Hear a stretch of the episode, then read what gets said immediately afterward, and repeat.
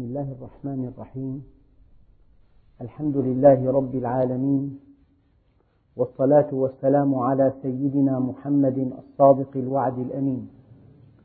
اللهم لا علم لنا إلا ما علمتنا إنك أنت العليم الحكيم. اللهم علمنا ما ينفعنا وانفعنا بما علمتنا وزدنا علما وأرنا الحق حقا وارزقنا اتباعه.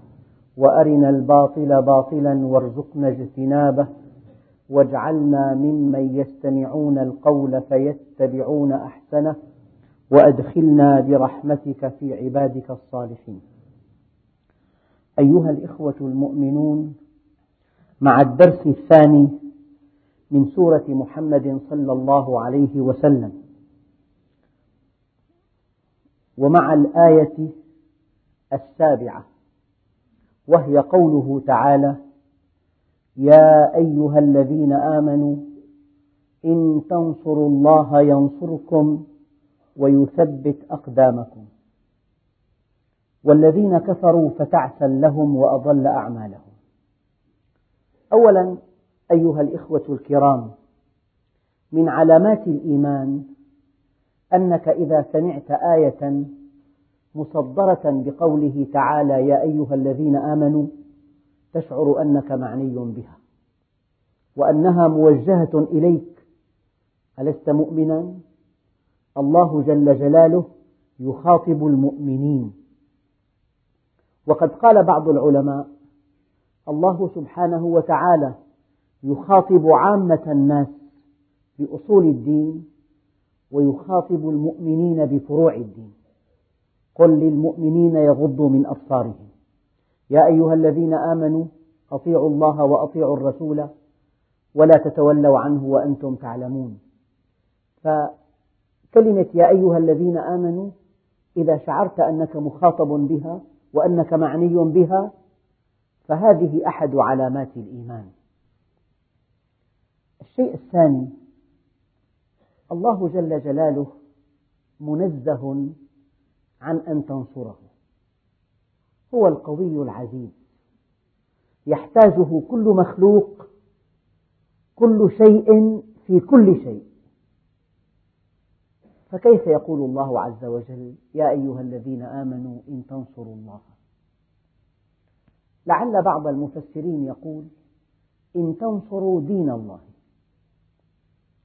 وما معنى أن تنصر دين الله؟ أن تطبق الأوامر. ولأضرب على ذلك مثلا بسيطا. لو أن مئة رجل في نزهة ودخل وقت العصر إذا قاموا جميعا ليصلوا نصروا دين الله عز وجل. وصار الذي لم يصلي شاذا منحرفا مقصرا يشار إليه. أما إذا لم يقم أحد للصلاة فقد خذلوا دين الله عز وجل. فصار إذا قام أحدهم ليصلي صار هو الشاذ إذا حجب المؤمنون نساءهم وواحد قصر في تحجيب زوجته صار شاذا. أما إذا سيب جميع الرجال هذا الحكم الشرعي وأراد أحد من الناس المؤمنين أن يقيم أمر الله عز وجل صار وحده شاذا. فنصر دين الله يعني أن تطبق الأوامر. طبعا الأوامر كثيرة جدا. العبادات الصلاة الصوم الحج الزكاة. إذا أدى الجميع زكاة أموالهم صار الذي لم يؤدي الزكاة شاذا. أما إذا تخلف الناس عن تأدية الزكاة ضعف هذا الأمر الإلهي. طبعا لأن معظم الناس يتحركون بالتقليد. الذين يتحركون وفق قناعاتهم ولا يعبؤون بالمجموع هؤلاء قلة. أما الخط العريض في المجتمع يتحرك وفق التقليد. فحينما تقيم أمر الله عز وجل حينما تجعل بيتك بيتا إسلاميا حينما تجعل عملك عملا إسلاميا حينما تتعامل مع الآخرين تعاملا إسلاميا أنت ماذا فعلت؟ نصرت دين الله. أولا نصر دين الله عز وجل في التوجه إليه في الإقبال عليه في إفراده بالعبودية في إفراده بالإخلاص. إذا توجهت إليه وأقبلت عليه وأخلصت له ووحدته في أفعاله لم تقبل أن أحدا مع الله عز وجل يفعل شيئا. هذا هو التوحيد. ثم أقمت العبادات. أقمت الصلاة والصيام والحج والزكاة. ثم تعاملت مع الآخرين وفق منهج الله عز وجل. الله عز وجل بأسلوب رفيع قال إذا فعلت هذا فقد نصرت الله وهو وهو غني عن أن تنصره. لكنك طبقت دينه وفي تطبيق دينه وسعت دائرة المؤمنين وحاصرت دائرة المنحرفين فقوي الضعيف بهذا. يعني أول معنى الله جل جلاله غني عن أن تنصره لأنه العزيز الحكيم. لو أن أولكم وآخركم وإنسكم وجنكم كانوا على أتقى قلب رجل واحد منكم ما زاد في ملكي شيئا. ولو أن أولكم وآخركم وإنسكم وجنكم كانوا على أفجر قلب رجل واحد منكم ما نقص في ملكي شيئا. كما قال الله عز وجل إن تكفروا أنتم ومن في الأرض جميعا فإن الله غني عنكم ولا يرضى لعباده الكفر. معنى ذلك كلمة إن تنصروا الله لا تعني أبدا ولا يعقل أن تعني والله منزه عن أن تعني أنك تنصر الله عز وجل. لكن هذا أسلوب من أساليب البلاغة. إنك إن طبقت أمر الله وسعت دائرة الحق وحاصرت دائرة الباطل. دائما الأغلبية لهم قيمة. الإنسان إذا أراد أن يعصي الله عز وجل والأكثرون يطيعونه صار شاذا.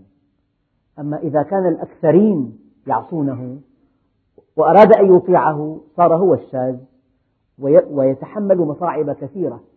لذلك النبي عليه الصلاة والسلام حينما أشار أنه صلى الله عليه وسلم اشتاق لأحبابه فقال أصحابه أولسنا أحبابك؟ قال لا أنتم أصحابي.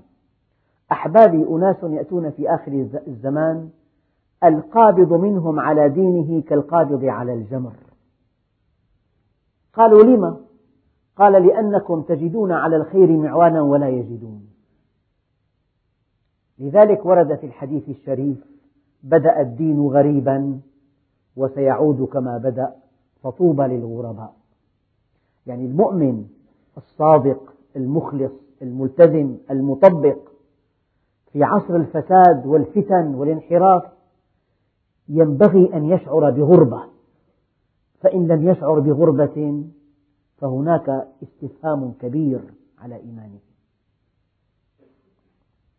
إذا إن تنصروا الله ينصركم. طيب ينصركم على ماذا؟ أين مفعول ينصركم؟ علماء البلاغة يقولون إذا حذف المفعول أطلق الفعل صار مطلقا. ينصركم على عدوكم على أنفسكم. أي شيء تريدونه؟ يصبح مذللا. وهذا من كرامة الله للمؤمن. ربنا عز وجل قال وأخرى تحبونها. نصر من الله وفتح قريب. يعني أخبار النصر تملأ القلب سعادة وأخبار التراجع والهزيمة تملأ القلب ضيقا وحرجا وحزنا. فهذه الآية أصل في تعاملنا مع الله عز وجل في شأن النصر. إن أردت نصر الله فانتصر لدينه. إن أردت نصر الله انتصر على نفسك. إن أردت نصر الله أقم الإسلام في بيتك. أقمه في عملك. إن أردت نصر الله عز وجل كن له كما يريد ليكون لك كما تريد. عبدي كن لي كما أريد أكن لك كما تريد. وفي رواية أخرى أنت تريد وأنا أريد. فإذا سلمت لي فيما أريد كفيتك ما تريد. وإن لم تسلم لي فيما أريد أتعبتك فيما تريد. ثم لا يكون إلا ما أريد. وهذه الآية تصلح على المستوى الفردي وعلى المستوى الجماعي. يعني كأمة إن لم نقم أمر الله فينا فلن ننصر. قال تعالى وما كان الله ليعذبهم وأنت فيهم.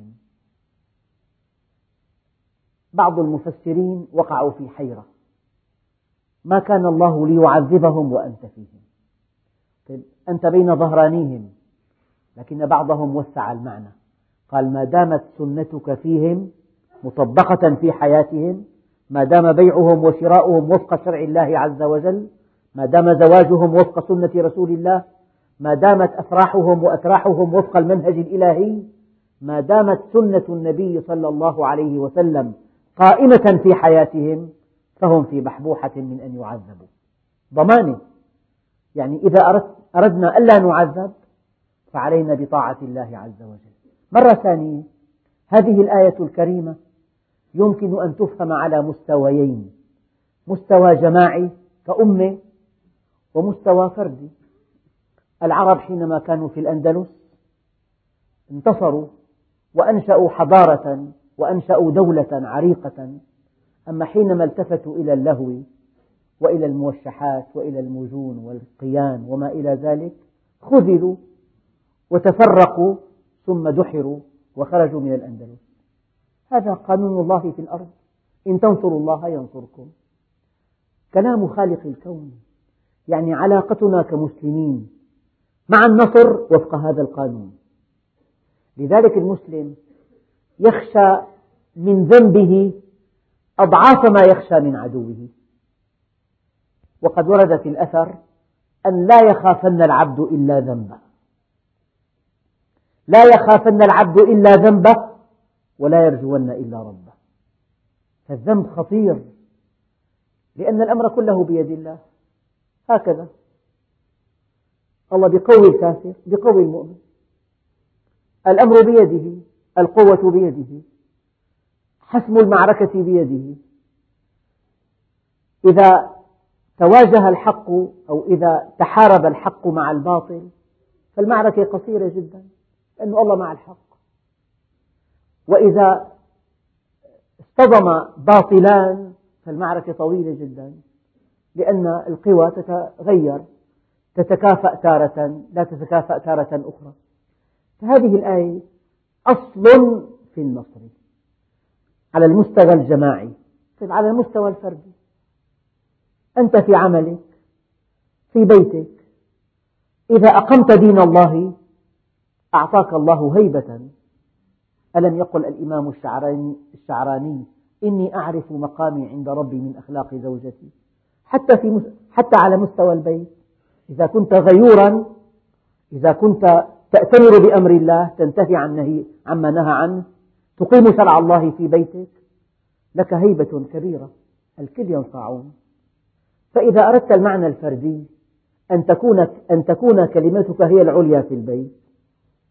انصر دين الله في البيت. تساهل في الأمور التي لا علاقة لها بالدين وكن في أمور الدين وقافا عند كتاب الله. في عملك مع أقرانك مع من هم أقوى منك مع من هم أضعف منك. حتى على المستوى الفردي إن تنصروا الله ينصركم. هذا القرآن معجز. كلام جامع مانع. يعني إن أخذت هذه الآية على مستوى أمة لن نستطيع أن ننتصر على عدونا إلا إذا تمسكنا بإسلامنا. لن نستطيع أن نقف أمام القوى الغاشمة إلا إذا اعتصمنا بالله أطعناه وطبقنا أمره. على المستوى الفردي حتى في عملك. لن تستطيع أن تنتصر على خصومك أو على منافسيك إلا إذا كنت مع الله عز وجل. طائعا مستسلما مؤتمرا بما أمر منتهيا عما عنه نهى وزجر يا أيها الذين آمنوا إن تنصروا الله ينصركم. والنصر مطلق. أي مشكلة النصر فيها محبب الإنسان أحيانا ينتصر على مرضه. ينتصر على من يشاكسه ينتصر على أقرب الناس إليه ينتصر على أبعد الناس عنه ينتصر في عمله ينتصر مع خصومه مع الأقوياء مع الضعفاء إن تنصروا الله ينصركم. لكن ويثبت أقدامكم. هذه لها لفتة لطيفة جدا.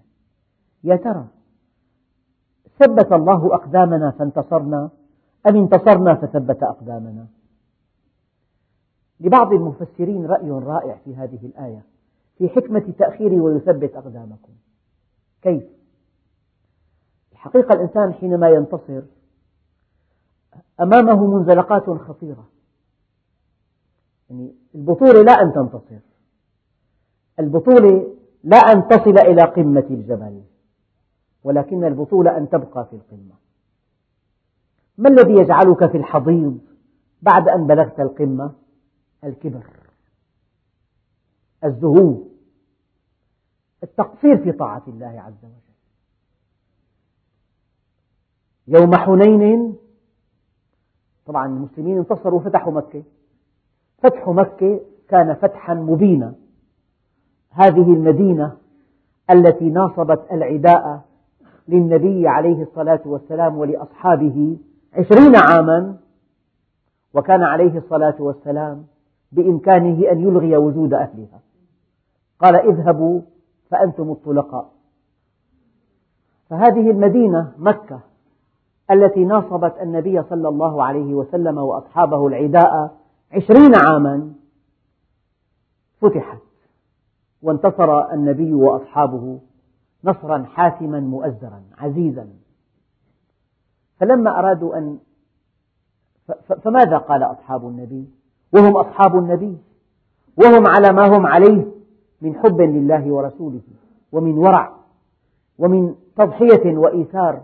قالوا لن نغلب من قلة. شعروا بالزهو وهم أصحاب النبي والنبي معهم. قال ويوم حنين إذ أعجبتكم كثرتكم فلم تغن عنكم من الله شيئا. وضاقت عليكم الأرض بما رحبت ثم وليتم مدبرين. إذا البطولة لا أن تنتصر أن تحافظ على هذا النصر بالتواضع. دخل عليه الصلاة والسلام مكة فاتحا وقد كادت ذؤابة عمامته تلامس عنق بعيره تواضعا لله عز وجل. فالمنتصر أمامه منزلقات خطيرة. تصور من باب التمثيل. جبل له طرق صعبة جدا لقمته. طرق وعرة ملتوية فيها أكمات فيها حفر فيها صخور. فما إن وصلت إلى قمة الجبل حتى تنفست الصعداء. لكنك وأنت على قمة الجبل تجد طريق آه، طريق زلق مبلط ببلاط ثقيل مع آثار الصابون فرضا. فأنت إذا وصلت إلى قمة الجبل تبذل جهدا لا حدود له. لكن الزهو وحده وأنت في قمة الجبل يجعلك في الحضيض. الكبر في الحضيض. الآن إذا انتصرت ورأيت أن المشكلة قد حلت وأن العدو قد خضع ربما تساهلت في تطبيق أمر الله عز وجل. كالحضيض لذلك البطولة لا أن تصل إلى القمة. البطولة أن تبقى في القمة. لا أن تنتصر بل أن تحافظ على النصر.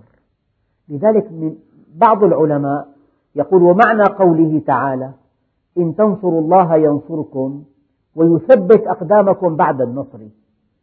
يثبت أقدامكم على نتائج النصر على مكتسبات النصر. يعني أنت إذا انتصرت ينبغي أن تعزو هذا إلى الله عز وجل. ينبغي أن تتواضع له. ينبغي أن تزداد تطبيقا لأمر الله. إذا فعلت هذا بعد النصر بقيت في القمة. يثبت أقدامكم. ولأن القدم هي التي تزل فهي أساسا يثبتكم. لكن لأن القدم أداة الثبات وأداة الانزلاق جاء جاء جاءت القدم لتعبر عن الكيان كله. وهذا في المجاز العقلي يعني تعبير الاستخدام الجزئي ليعبر عن الكل. فإن تنصروا الله ينصركم ويثبت أقدامكم. تثبيت القدم الحفاظ على نتائج النصر بعد النصر. فهذه نقطة دقيقة جدا.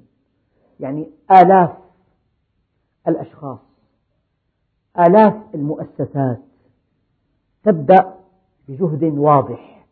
فإذا بلغت قمة النجاح تساهلت في مستوى البضاعة. فانهارت. وأصابها الكساد ثم اختلف الشركاء وتفرقوا أغلقت هذه المؤسسة. لماذا؟ لأنهم لم يحافظوا على النصر. فهؤلاء الذين يتحركون نحو العلا نحو القمم عليهم أن ينتبهوا إلى أن أخطارا كبيرة تنتظر من يصل إلى قمة النجاح. الغرور يودي بالناجح بالمنتصر إلى الحضيض الغرور الزهو الكبر المعصية. فالمؤمن لا يخشى من عدوه بل يخشى من ذنبه. إن الأمر بيد الله لكنه إذا أذنب ينبغي أن يدفع الثمن باهظا. هذا معنى أن الله سبحانه وتعالى قال ينصركم ويثبت أقدامكم. يعني يثبت أقدامكم بعد النصر. وبعضهم قال عطف السبب على المسبب. يثبت أقدامكم عطف الله السبب على المسبب. يعني ينصركم بتثبيت أقدامكم. والمعنى الآخر جيد.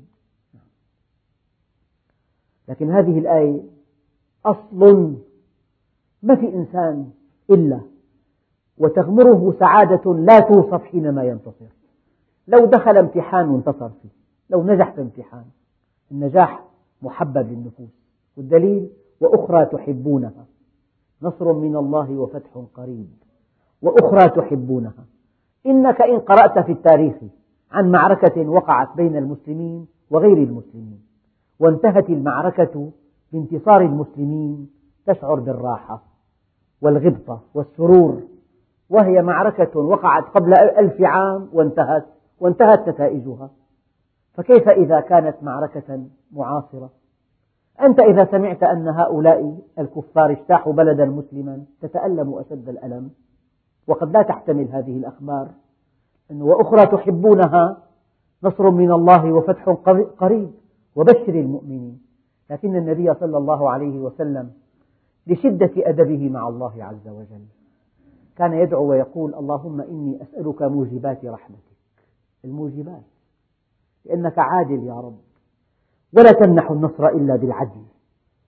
لذلك لما وقف النبي عليه الصلاة والسلام في معركة بدر يناجي ربه ويقول يا رب إن تهلك هذه الفئة فلن تعبد بعد اليوم وقد وقع الرداء من على كتفه. فجاء سيدنا الصديق رضي الله عنه ووضع الرداء على كتف النبي وقال يا رسول الله بعض مناشدتك ربك إن الله ناصرك. ليس معنى هذا أن ثقة الصديق بالنصر أشد من ثقة رسول الله. لكن المعنى أن النبي عليه الصلاة والسلام كان يخشى أن يكون هناك تقصير في الإعداد لأن الله لا يعطي إلا بالعدل. أن يكون هناك تقصير فلذلك إن تنصروا الله ينصركم.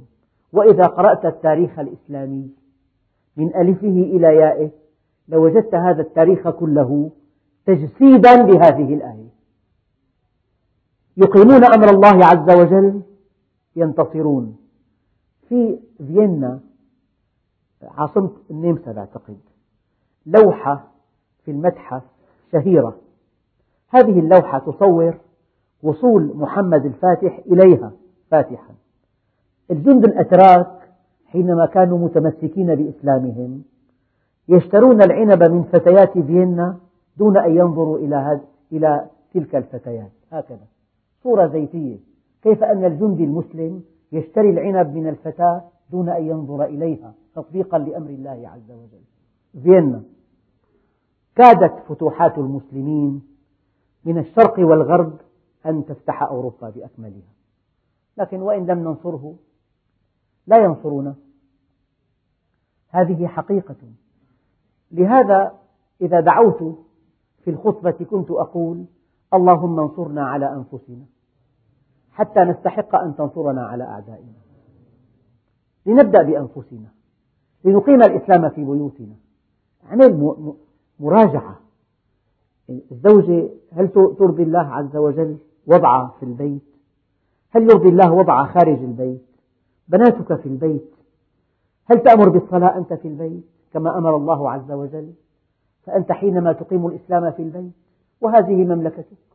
وحينما تقيمه في عملك وهذا مم وهذه مملكتك أو هذا العمل مملكتك عندئذ يتولى الله عنك أمر الذي لا تستطيع أن تصل إليه. هذا معنى قول الله عز وجل إن الله لا يغير ما بقوم حتى يغيروا ما بأنفسهم. يعني إذا كنت في بحبوحة لا تغير فلا يغير وإن كنت في ضيق غير حتى يغير. هذا ملخص الملخص. إذا كنت في بحبوحة لا تغير فلا يغير وإن كنت في ضيق غير حتى يغير. يا أيها الذين آمنوا إن تنصروا الله ينصركم ويثبت أقدامكم. مرة ثانية هذه الآية تفهم على مستويين على مستوى فردي وعلى مستوى جماعي وحدك بعملك ببيتك الله بقويك يسبغ عليك هيبة من هاب الله هابه كل شيء. ومن لم يهب الله أهابه الله من كل شيء. بيروا الحسن البصري من كبار التابعين يعني نفذ أمر الله في الأمر بالمعروف والنهي عن المنكر. هذا التنفيذ لأمر الله في الأمر بالمعروف والنهي عن المنكر أغضب الحجاج. فقال والله لأصحابه والله لأسقينكم من دمه. ائتوني به لأقطع رأسه. وجاء بالسياف ومد النطع وطلب ليأتي بقطع رأسه. فلما دخل على الحجاج حرك شفتيه بكلام لم يفهمه أحد. ما كان من الحجاج إلا أن وقف وقال أهلا بأبي سعيد. واستقبله وما زال يقربه حتى أجلسه على سريره. وسأله عن صحته. واستفتاه في بعض القضايا وتقول الرواية وعطره. ثم ودعه وقال له مودعا أنت يا أبا سعيد سيد العلماء. وشيعه إلى باب قصره. السياف الذي جيء به ليقطع رأسه. والحاجب صعقاه. تبعه الحاجب قال له يا أبا سعيد لقد جيء بك لغير ما فعل بك. فماذا قلت وأنت داخل على الحجاج قال قلت يا ملاذي عند كربتي يا مؤنسي في وحشتي اجعل نقمته علي بردا وسلاما كما جعلت النار بردا وسلاما على إبراهيم. ما الذي ما الذي بدل في قلب الحجاج؟ جاء به ليقطع رأسه فأكرمه واستفتاه وأثنى عليه ودعا له وشيعه إلى باب قصره. أنت إذا أقمت دين الله أمر الله عز وجل الله في عليائه يدافع عنك. أنت مع من؟ قالا ربنا إنا نخاف أن يفرط علينا أو أن يطغى. قال لا تخافا إنني معكما أسمع وأرى. وين قاعد أنا؟ إنني معكما أسمع وأرى. إذا شعرت أن الله معك دائما وأنه ناصرك دائما ما عليك إلا أن تطيعه. ما عليك إلا أن تقيم أمره. ما عليك إلا أن تستسلم له. وعلى الله الباقي. لهذا جاءت الآيات. بل الله فاعبد وكن من الشاكرين. ما عليك إلا أن تعبده وانتهى الأمر. وانتهى كل شيء. والذين كفروا. فتعسا لهم وأضل أعمالهم. أما تعسا لهم أورد القرطبي عشرة وجوه في تفسيرها. فاتني أن آتي بها لكن أذكر بعضها. تعسا لهم أي شقاء لهم. تعسا لهم أي خزيا لهم. تعسا لهم أي بعدا لهم. تعسا لهم أي تحقيرا لهم. يعني تعسا الذين كفروا تعسا لهم. يعني الشقاء والتعاسة والخزي والعار. والبعد واللعن والقلق والحيرة والقهر والحرمان والوحشة والضيق. كل هذا في البعد عن الله عز وجل. والأمن والطمأنينة والثقة والرضا والإقبال والتفاؤل في الإيمان بالله وطاعته. والذين كفروا فتعسا لهم وأضل أعمالهم.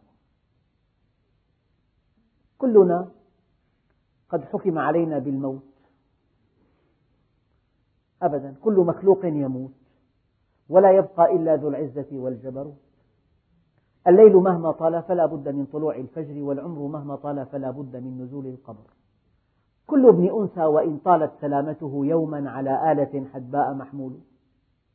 فإذا حملت إلى القبور جنازة فاعلم بأنك بعدها محمول. ما الذي يبقى بعد الموت؟ العمل.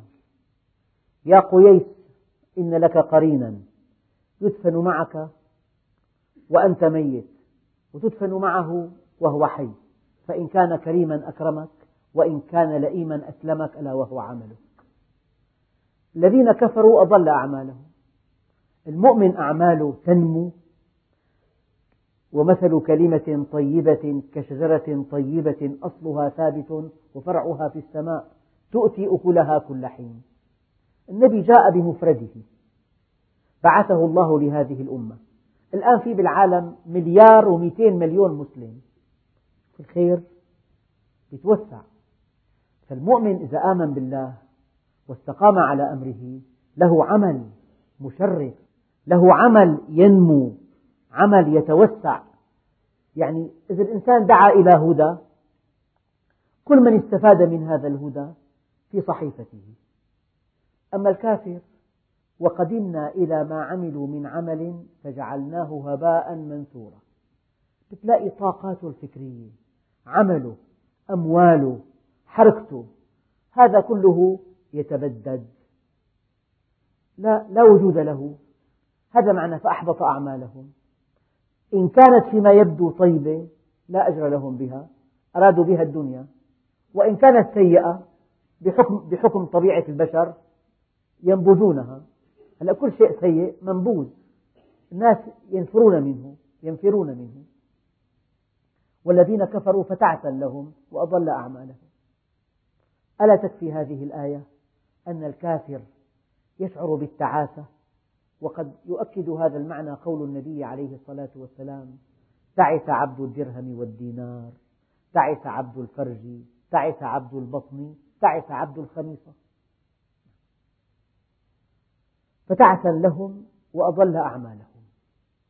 قال ذلك يعني هذه السعادة في النصر وهذا الشقاء في الخذلان ذلك بأنهم الكفار كرهوا ما أنزل الله فأحبط أعمالهم. الصحابة الكرام أخبر الله عنهم بأنهم يفرحون بما نزل عليهم.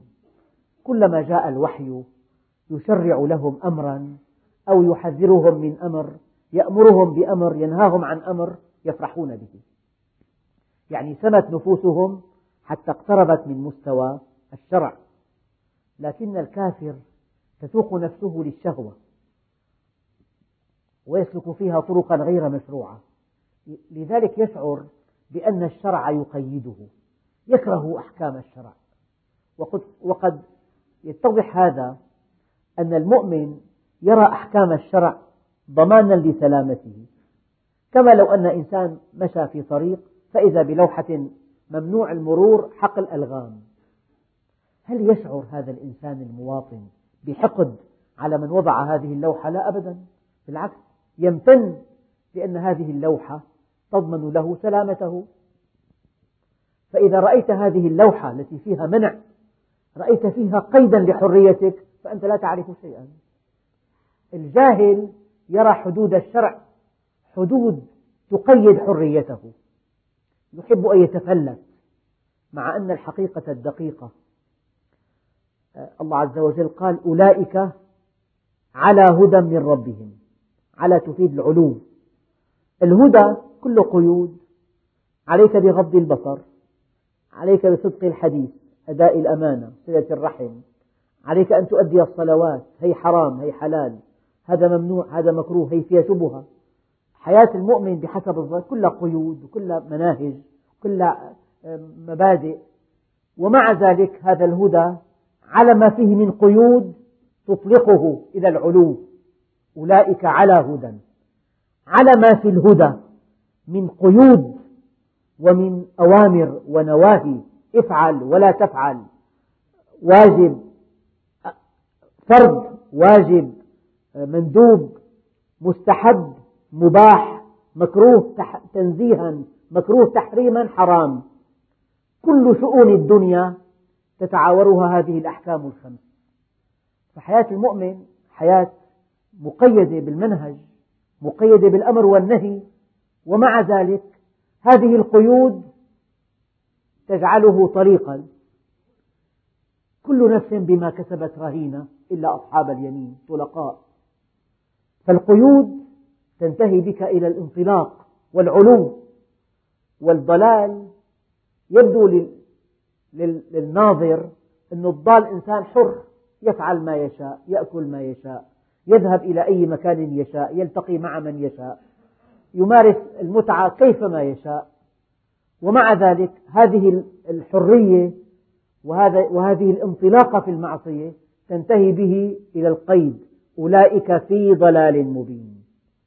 المعنى مستفاد من كلمة على من كلمة في الهدى على قيوده يرفعك والضلال على طلاقته يقيدك إما في كآبة أو في مرض نفسي أو في سجن أو في قهر أو في مرض أو في مصير أسود. فلذلك ذلك بأنهم كرهوا ما أنزل الله. الله. فأحبط أعمالهم. يعني خرجوا عن منهج الله. والشيء الثابت أنه ما من مشكلة على الإطلاق في الأرض إلا وراء معصية. خروج عن منهج الله. لا. يعني من يعمل في الأمن الجنائي في عندهم قاعدة. إذا بلغوا عن جريمة لك فتش عن المرأة. هذه القاعدة عدلتها. إذا رأيت مشكلة في الأرض فتش عن المعصية. هذه المشكلة وراء في معصية. وراء في خروج عن منهج الله عز وجل. فتش عن المعصية. تحل المشكلة. هذه القضية سبب هذه المعصية. ذلك بأنهم كرهوا ما أنزل الله فأحبط أعمالهم. طبعا هذا الآن في عندنا دليل عملي. أفلم يسيروا في الأرض أخبرنا الله أن الذي يكفر يكفر بالله ويكفر بأمره ونهيه يحبط عمله يصبح عمله منحطا دنيئا خسيسا محتقرا أو يحبط عمله ولو كان صالحا لأن نيته الدنيا وقد أصابها وانتهى الأمر. تعلمت العلم ليقال عنك عالم وقد قيل خذوه إلى النار. ذلك بأنهم كرهوا ما أنزل الله فأحبط أعمالهم. الآن في دليل عملي. أفلم يسيروا في الأرض فينظروا كيف كان عاقبة الذين من قبلهم. ألم تر كيف فعل ربك بعاد؟ إرم ذات العماد. فرعن أين هم قوم عاد وثمود أين هم هذه الأقوام التي آتاها الله قوة وأشادت الأبنية لا يزال الأهرام سر حتى الآن. طيب، كيف وصلوا إلى هذا البناء الشامخ؟ كيف نقلت الأحجار؟ كيف صممت هذه الخطوط؟ لذلك أفلم يسيروا في الأرض فينظروا كيف كان عاقبة الذين من قبلهم. دمر الله عليهم وللكافرين أمثالها. طبعا دمر فعل متعدي يتعدى بذاته تقول دمره الله. أما هنا دمر عليهم. قال علماء التفسير دمر عليهم بمعنى أنه دمرهم ودمر ممتلكاتهم ودمر أموالهم ودمر بيوتهم ودمر آثارهم. أحيانا يأتي زلزال لا يبقي ولا يذر. أحيانا إعصار لا يبقي حجرا فوق حجر. دمر الله عليهم. وللكافرين أمثالها الشيء الدقيق في الآية. أن هذه هذه المواعظ وهذا التاريخ الذي يريده القرآن الكريم كيف أهلك الأمم مهما تكن قوية هذا المصير ينتظر كل إنسان خرج عن منهج الله وكفر بما عند الله. وللكافرين أمثالها. ذلك بأن الله مولى الذين آمنوا وأن الكافرين لا مولى لهم. تصور أب في أعلى مستويات العلم والقدرات المالية والذكاء والفهم وله ابن يربيه أعلى تربية أعلى تربية. يتابع نموه الجسدي يتابع أسنانه. إذا كانت راكبت رأسا مقوم الأسنان يتابع أجهزته يتابع دراسته. يتابع ألفاظه حركاته عاداته. ترى هذا الابن يعني في عناية فائقة. مسلطة عليه عناية فائقة. لأنه له ولي. له ولي عظيم وعاقل ومربي وغني ومقتدر. فكل طاقات الأب وخبراته في الحياة كلها تصب للعناية بابنه هذا. وتصور أبن ما له أب وما له أهل. وفي الأزقة لا أخلاق ولا علم ولا عادات منحرف. هذا ابن له من يربيه وهذا ليس له من يربيه. هذا المعنى القريب. فكمان المؤمن المؤمن في عين الله عز وجل لما ربنا عز وجل قال فإنك بأعيننا. طبعا هذه الآية للنبي عليه الصلاة والسلام. ولكنها في الوقت نفسه لكل مؤمن بحسب إيمانه وإخلاصه وطاعته. أنت بعناية الله عز وجل.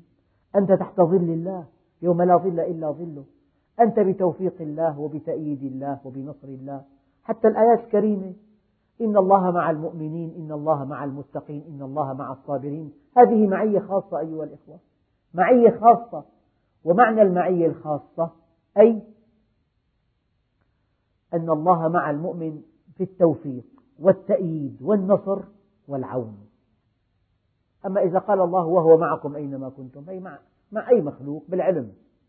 معهم بعلمه لكن مع المؤمنين بتوفيقه وتأييده ونصره وإنجاحه. ذلك بأنهم أفلم يسيروا في الأرض فينظروا كيف كان عاقبة الذين من قبلهم دمر الله عليهم وللكافرين أمثالها. ذلك بأن الله مولى الذين آمنوا. وأن الكافرين لا مولى لهم. الآية الكريمة إن الذين قالوا ربنا الله ثم استقاموا تتنزل عليهم الملائكة ألا تخافوا ولا تحزنوا وأبشروا بالجنة التي كنتم توعدون. الآن دقق. نحن أولياؤكم في الحياة الدنيا وفي الآخرة ولكم فيها ما تشتهي أنفسكم ولكم فيها ما تدعون. نزلا من غفور رحيم. ماذا تشعر إذا قال الله يا عبدي أنا وليك؟ إذا كان الله معك فمن عليك؟ وإذا كان الله عليك فمن معك؟ ما معك أحد؟ يعني يجب أن يشعر المؤمن إذا تلا هذه الآية بقشعريره. ذلك بأن الله مولى الذين آمنوا. عليك أن تؤمن وأن تستقيم. والله وليك. لا تخف لا تحزن لا تخشى أحدا لا تخشى إلا ذنبك. ذلك بأن الله مولى الذين آمنوا. ينقلك من حال إلى حال من منزلة إلى منزلة من مقام إلى مقام من توفيق إلى توفيق من نصر إلى نصر. الله وليك. اجعل هذه الكلمة يعني إذا كان الله معك فمن عليك وإذا كان عليك فمن معك. يا رب ماذا وجد من فقد ماذا وجد من فقدك؟ وماذا فقد من وجدك؟ إن الله يدخل الذين آمنوا وعملوا الصالحات جنات تجري من تحتها الأنهار. والذين كفروا والذين كفروا يتمتعون ويأكلون كما تأكل الأنعام والنار مثوى لهم. حياة الكافر حياة متعة والمتعة الشيء الطارئ لذة طارئة. ليس لها أثر مستقبلي إطلاقا. لذة عابرة ليس لها مردود. والذين كفروا يتمتعون ويأكلون كما تأكل الأنعام والنار مثوى لهم. دابة في النهار جيفة في الليل. في النهار دواب في الليل جيف. هؤلاء الذين كفروا.